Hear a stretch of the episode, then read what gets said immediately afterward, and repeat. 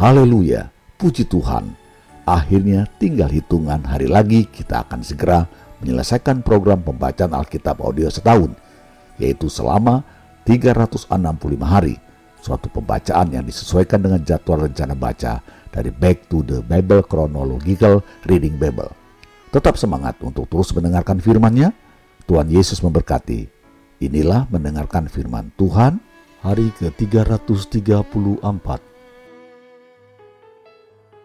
1 Korintus pasal 5 Memang orang mendengar bahwa ada percabulan di antara kamu, dan percabulan yang begitu rupa, seperti yang tidak terdapat sekalipun di antara bangsa-bangsa yang tidak mengenal Allah, yaitu bahwa ada orang yang hidup dengan istri ayahnya. Sekalipun demikian, kamu sombong. Tidakkah lebih patut kamu berduka cita dan menjauhkan orang yang melakukan hal itu dari tengah-tengah kamu, sebab aku, sekalipun secara badani tidak hadir, tetapi secara rohani hadir. Aku, sama seperti aku hadir, telah menjatuhkan hukuman atas dia yang telah melakukan hal yang semacam itu. Bila mana kita berkumpul dalam roh, kamu bersama-sama dengan aku, dengan kuasa Yesus Tuhan kita, orang itu harus kita serahkan dalam nama Tuhan Yesus kepada iblis, sehingga binasa tubuhnya, agar rohnya diselamatkan pada hari Tuhan. Kemegahanmu tidak baik. Tidak tahukah kamu bahwa sedikit ragi menghamiri seluruh adonan, buanglah ragi yang lama itu, supaya kamu menjadi adonan yang baru. Sebab kamu memang tidak beragi, sebab anak domba Paskah kita juga telah disembelih, yaitu Kristus. Karena itu, marilah kita berpesta, bukan dengan ragi yang lama, bukan pula dengan ragi keburukan dan kejahatan, tetapi dengan roti yang tidak beragi, yaitu kemurnian dan kebenaran. Dalam suratku telah kutuliskan kepadamu, supaya kamu jangan bergaul dengan orang-orang cabul yang aku maksudkan bukanlah dengan semua orang cabul pada umumnya dari dunia ini, atau dengan semua orang kikir dan penipu, atau dengan semua penyembah berhala, karena jika demikian, kamu harus meninggalkan dunia ini. Tetapi yang kutuliskan kepada kamu ialah, supaya kamu jangan bergaul dengan orang yang sekalipun menyebut dirinya saudara, adalah orang cabul, kikir, penyembah berhala, pemfitnah, pemabuk, atau penipu. Dengan orang yang demikian, janganlah kamu sekali-kali makan bersama-sama. Sebab, dengan wewenang apakah aku menghakimi mereka yang berada di luar jemaat? Bukankah kamu hanya menghakimi mereka yang berada di dalam jemaat? Mereka yang berada di luar jemaat akan dihakimi Allah. Usirlah orang yang melakukan kejahatan dari tengah-tengah kamu. 1 Korintus pasal 6 Apakah ada seorang di antara kamu yang jika berselisih dengan orang lain, berani mencari keadilan pada orang-orang yang tidak benar dan bukan pada orang-orang kudus? Atau tidak tahukah kamu bahwa orang-orang kudus akan menghakimi dunia, dan jika penghakiman dunia berada dalam tangan kamu, tidakkah kamu sanggup untuk mengurus perkara-perkara yang tidak berarti?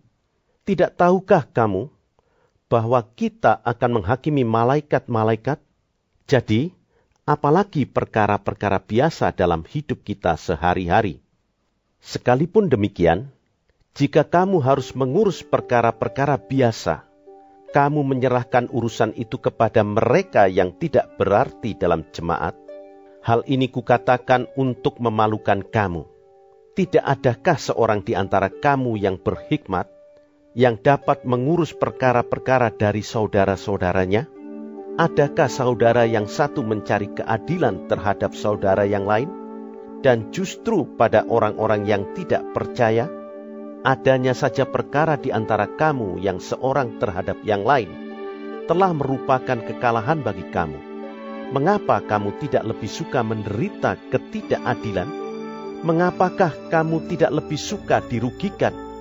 Tetapi kamu sendiri melakukan ketidakadilan dan kamu sendiri mendatangkan kerugian.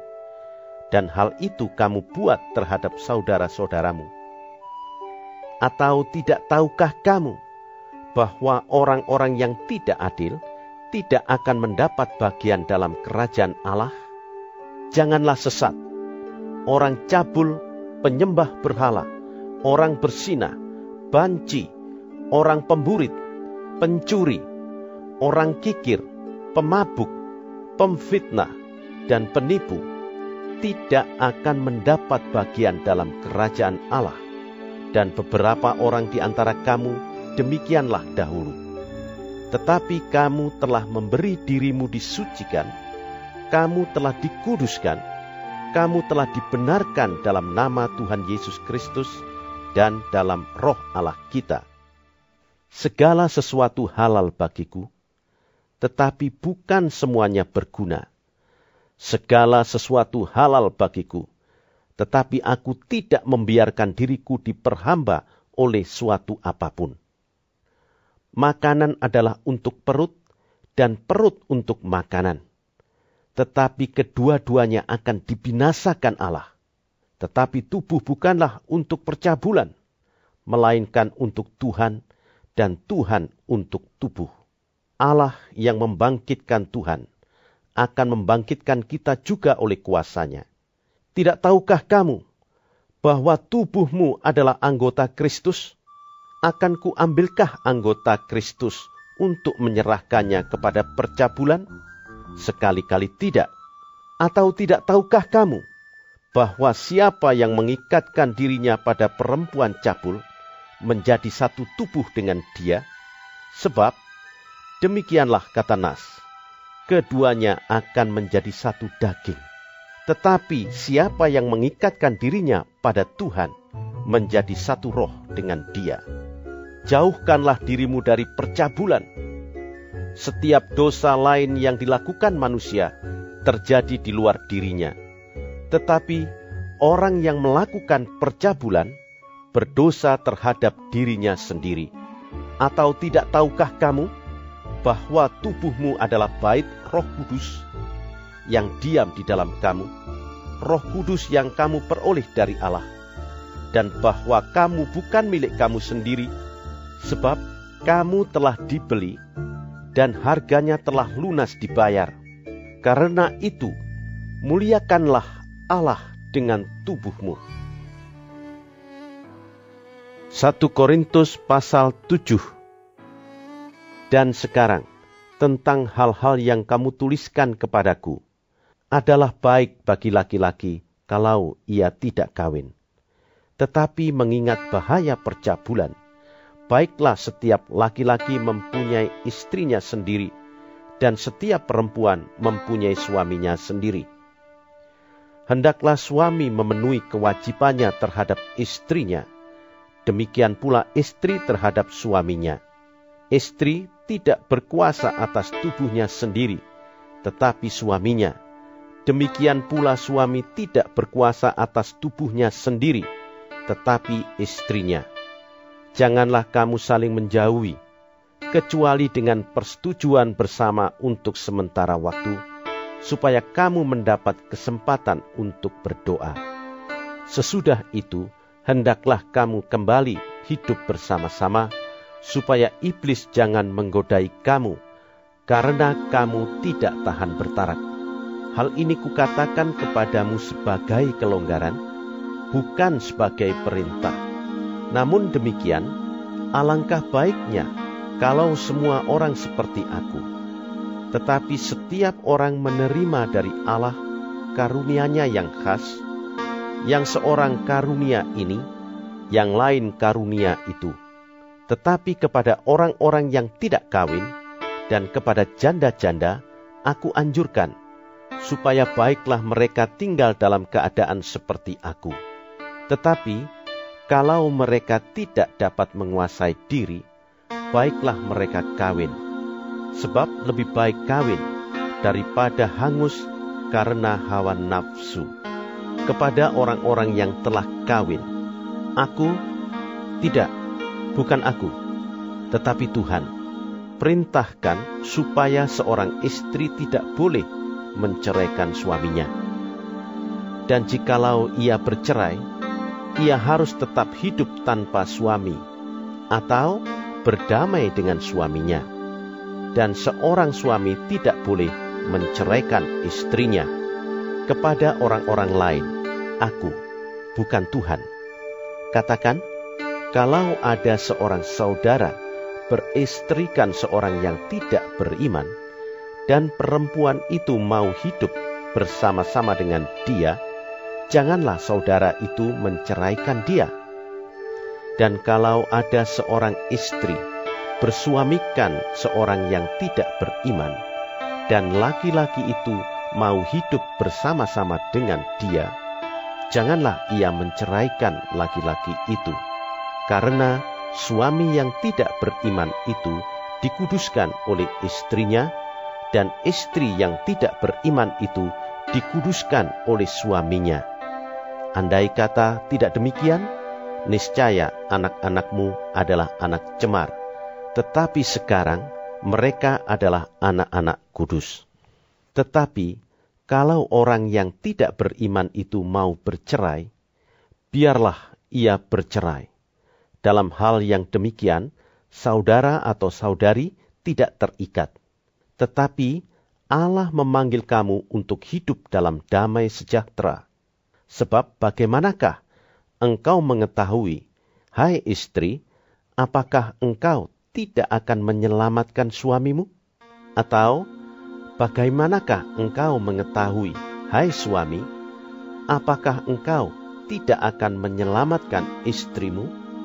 Selanjutnya, hendaklah tiap-tiap orang tetap hidup seperti yang telah ditentukan Tuhan baginya, dan dalam keadaan seperti waktu ia dipanggil Allah. Inilah ketetapan yang kuberikan kepada semua jemaat kalau seorang dipanggil dalam keadaan bersunat, janganlah ia berusaha meniadakan tanda-tanda sunat itu. Dan kalau seorang dipanggil dalam keadaan tidak bersunat, janganlah ia mau bersunat. Sebab bersunat atau tidak bersunat tidak penting. Yang penting ialah mentaati hukum-hukum Allah. Baiklah tiap-tiap orang tinggal dalam keadaan seperti waktu ia dipanggil Allah. Adakah engkau hamba waktu engkau dipanggil? Itu tidak apa-apa. Tetapi jikalau engkau mendapat kesempatan untuk dibebaskan, pergunakanlah kesempatan itu. Sebab seorang hamba yang dipanggil oleh Tuhan dalam pelayanannya adalah orang bebas milik Tuhan. Demikian pula orang bebas yang dipanggil Kristus adalah hambanya. Kamu telah dibeli dan harganya telah lunas dibayar. Karena itu, janganlah kamu menjadi hamba manusia. Saudara-saudara, hendaklah tiap-tiap orang tinggal di hadapan Allah dalam keadaan seperti pada waktu ia dipanggil. Sekarang tentang para gadis. Untuk mereka aku tidak mendapat perintah dari Tuhan. Tetapi aku memberikan pendapatku sebagai seorang yang dapat dipercayai karena rahmat yang diterimanya dari Allah. Aku berpendapat bahwa mengingat waktu darurat sekarang adalah baik bagi manusia untuk tetap dalam keadaannya. Adakah engkau terikat pada seorang perempuan? Janganlah engkau mengusahakan perceraian. Adakah engkau tidak terikat pada seorang perempuan? janganlah engkau mencari seorang. Tetapi kalau engkau kawin, engkau tidak berdosa.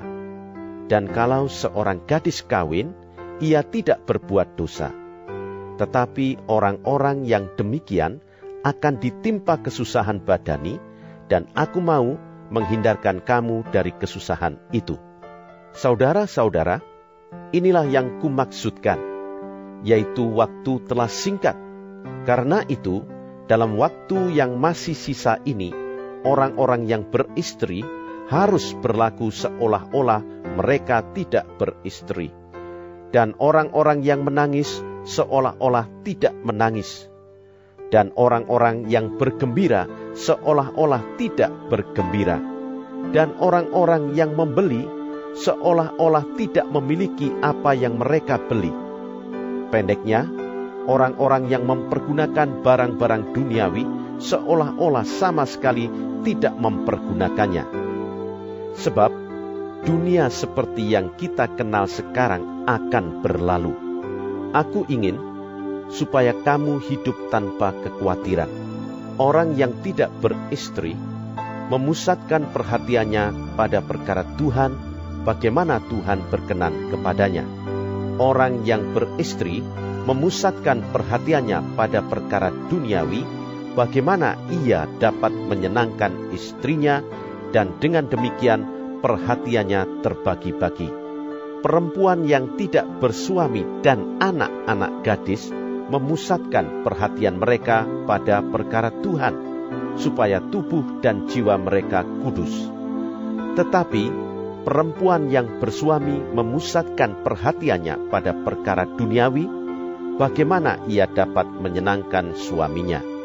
Semuanya ini kukatakan untuk kepentingan kamu sendiri, bukan untuk menghalang-halangi kamu dalam kebebasan kamu, tetapi Sebaliknya, supaya kamu melakukan apa yang benar dan baik dan melayani Tuhan tanpa gangguan. Tetapi, jikalau seorang menyangka bahwa ia tidak berlaku wajar terhadap gadisnya, jika gadisnya itu telah bertambah tua dan ia benar-benar merasa bahwa mereka harus kawin, baiklah mereka kawin kalau ia menghendakinya. Hal itu bukan dosa. Tetapi, kalau ada seorang yang tidak dipaksa untuk berbuat demikian, benar-benar yakin dalam hatinya dan benar-benar menguasai kemauannya, telah mengambil keputusan untuk tidak kawin dengan gadisnya, ia berbuat baik. Jadi, orang yang kawin dengan gadisnya berbuat baik, dan orang yang tidak kawin dengan gadisnya berbuat lebih baik. Istri terikat selama suaminya hidup. Kalau suaminya telah meninggal, ia bebas untuk kawin dengan siapa saja yang dikehendakinya, asal orang itu adalah seorang yang percaya.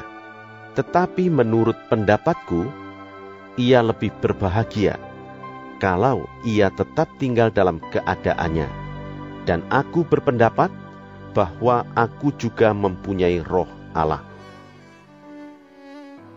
1 Korintus pasal 8 Tentang daging persembahan berhala, kita tahu, kita semua mempunyai pengetahuan. Pengetahuan yang demikian membuat orang menjadi sombong, tetapi kasih membangun. Jika ada seorang menyangka bahwa ia mempunyai sesuatu pengetahuan, maka ia belum juga mencapai pengetahuan sebagaimana yang harus dicapainya. Tetapi orang yang mengasihi Allah, ia dikenal oleh Allah.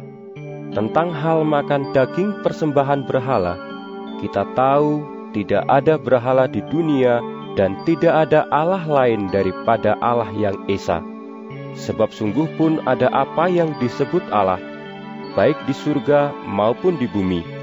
Dan memang benar ada banyak Allah dan banyak Tuhan yang demikian. Namun, bagi kita hanya ada satu Allah saja, yaitu Bapa yang daripadanya berasal segala sesuatu dan yang untuk dia kita hidup, dan satu Tuhan saja, yaitu Yesus Kristus, yang olehnya segala sesuatu telah dijadikan, dan yang karena Dia kita hidup. Tetapi bukan semua orang yang mempunyai pengetahuan itu. Ada orang yang karena masih terus terikat pada berhala-berhala, makan daging itu sebagai daging persembahan berhala. Dan oleh karena hati nurani mereka lemah, hati nurani mereka itu dinodai olehnya. Makanan tidak membawa kita lebih dekat kepada Allah. Kita tidak rugi apa-apa kalau tidak kita makan. dan kita tidak untung apa-apa kalau kita makan. Tetapi jagalah, supaya kebebasanmu ini jangan menjadi batu sandungan bagi mereka yang lemah. Karena apabila orang melihat engkau yang mempunyai pengetahuan, sedang duduk makan di dalam kuil berhala, bukankah orang yang lemah hati nuraninya itu dikuatkan untuk makan daging persembahan berhala? Dengan jalan demikian, orang yang lemah, yaitu saudaramu, yang untuknya Kristus telah mati, menjadi binasa karena pengetahuanmu. Jika engkau secara demikian berdosa terhadap saudara-saudaramu dan melukai hati nurani mereka yang lemah, engkau pada hakikatnya berdosa terhadap Kristus. Karena itu, apabila makanan menjadi batu sandungan bagi saudaraku, aku untuk selama-lamanya tidak akan mau makan daging lagi, supaya aku jangan menjadi batu sandungan bagi saudaraku. Tetap semangat untuk terus mendengarkan firman-Nya. Tinggal beberapa waktu lagi kita akan segera menyelesaikannya. Sampai jumpa esok hari. Tuhan Yesus memberkati.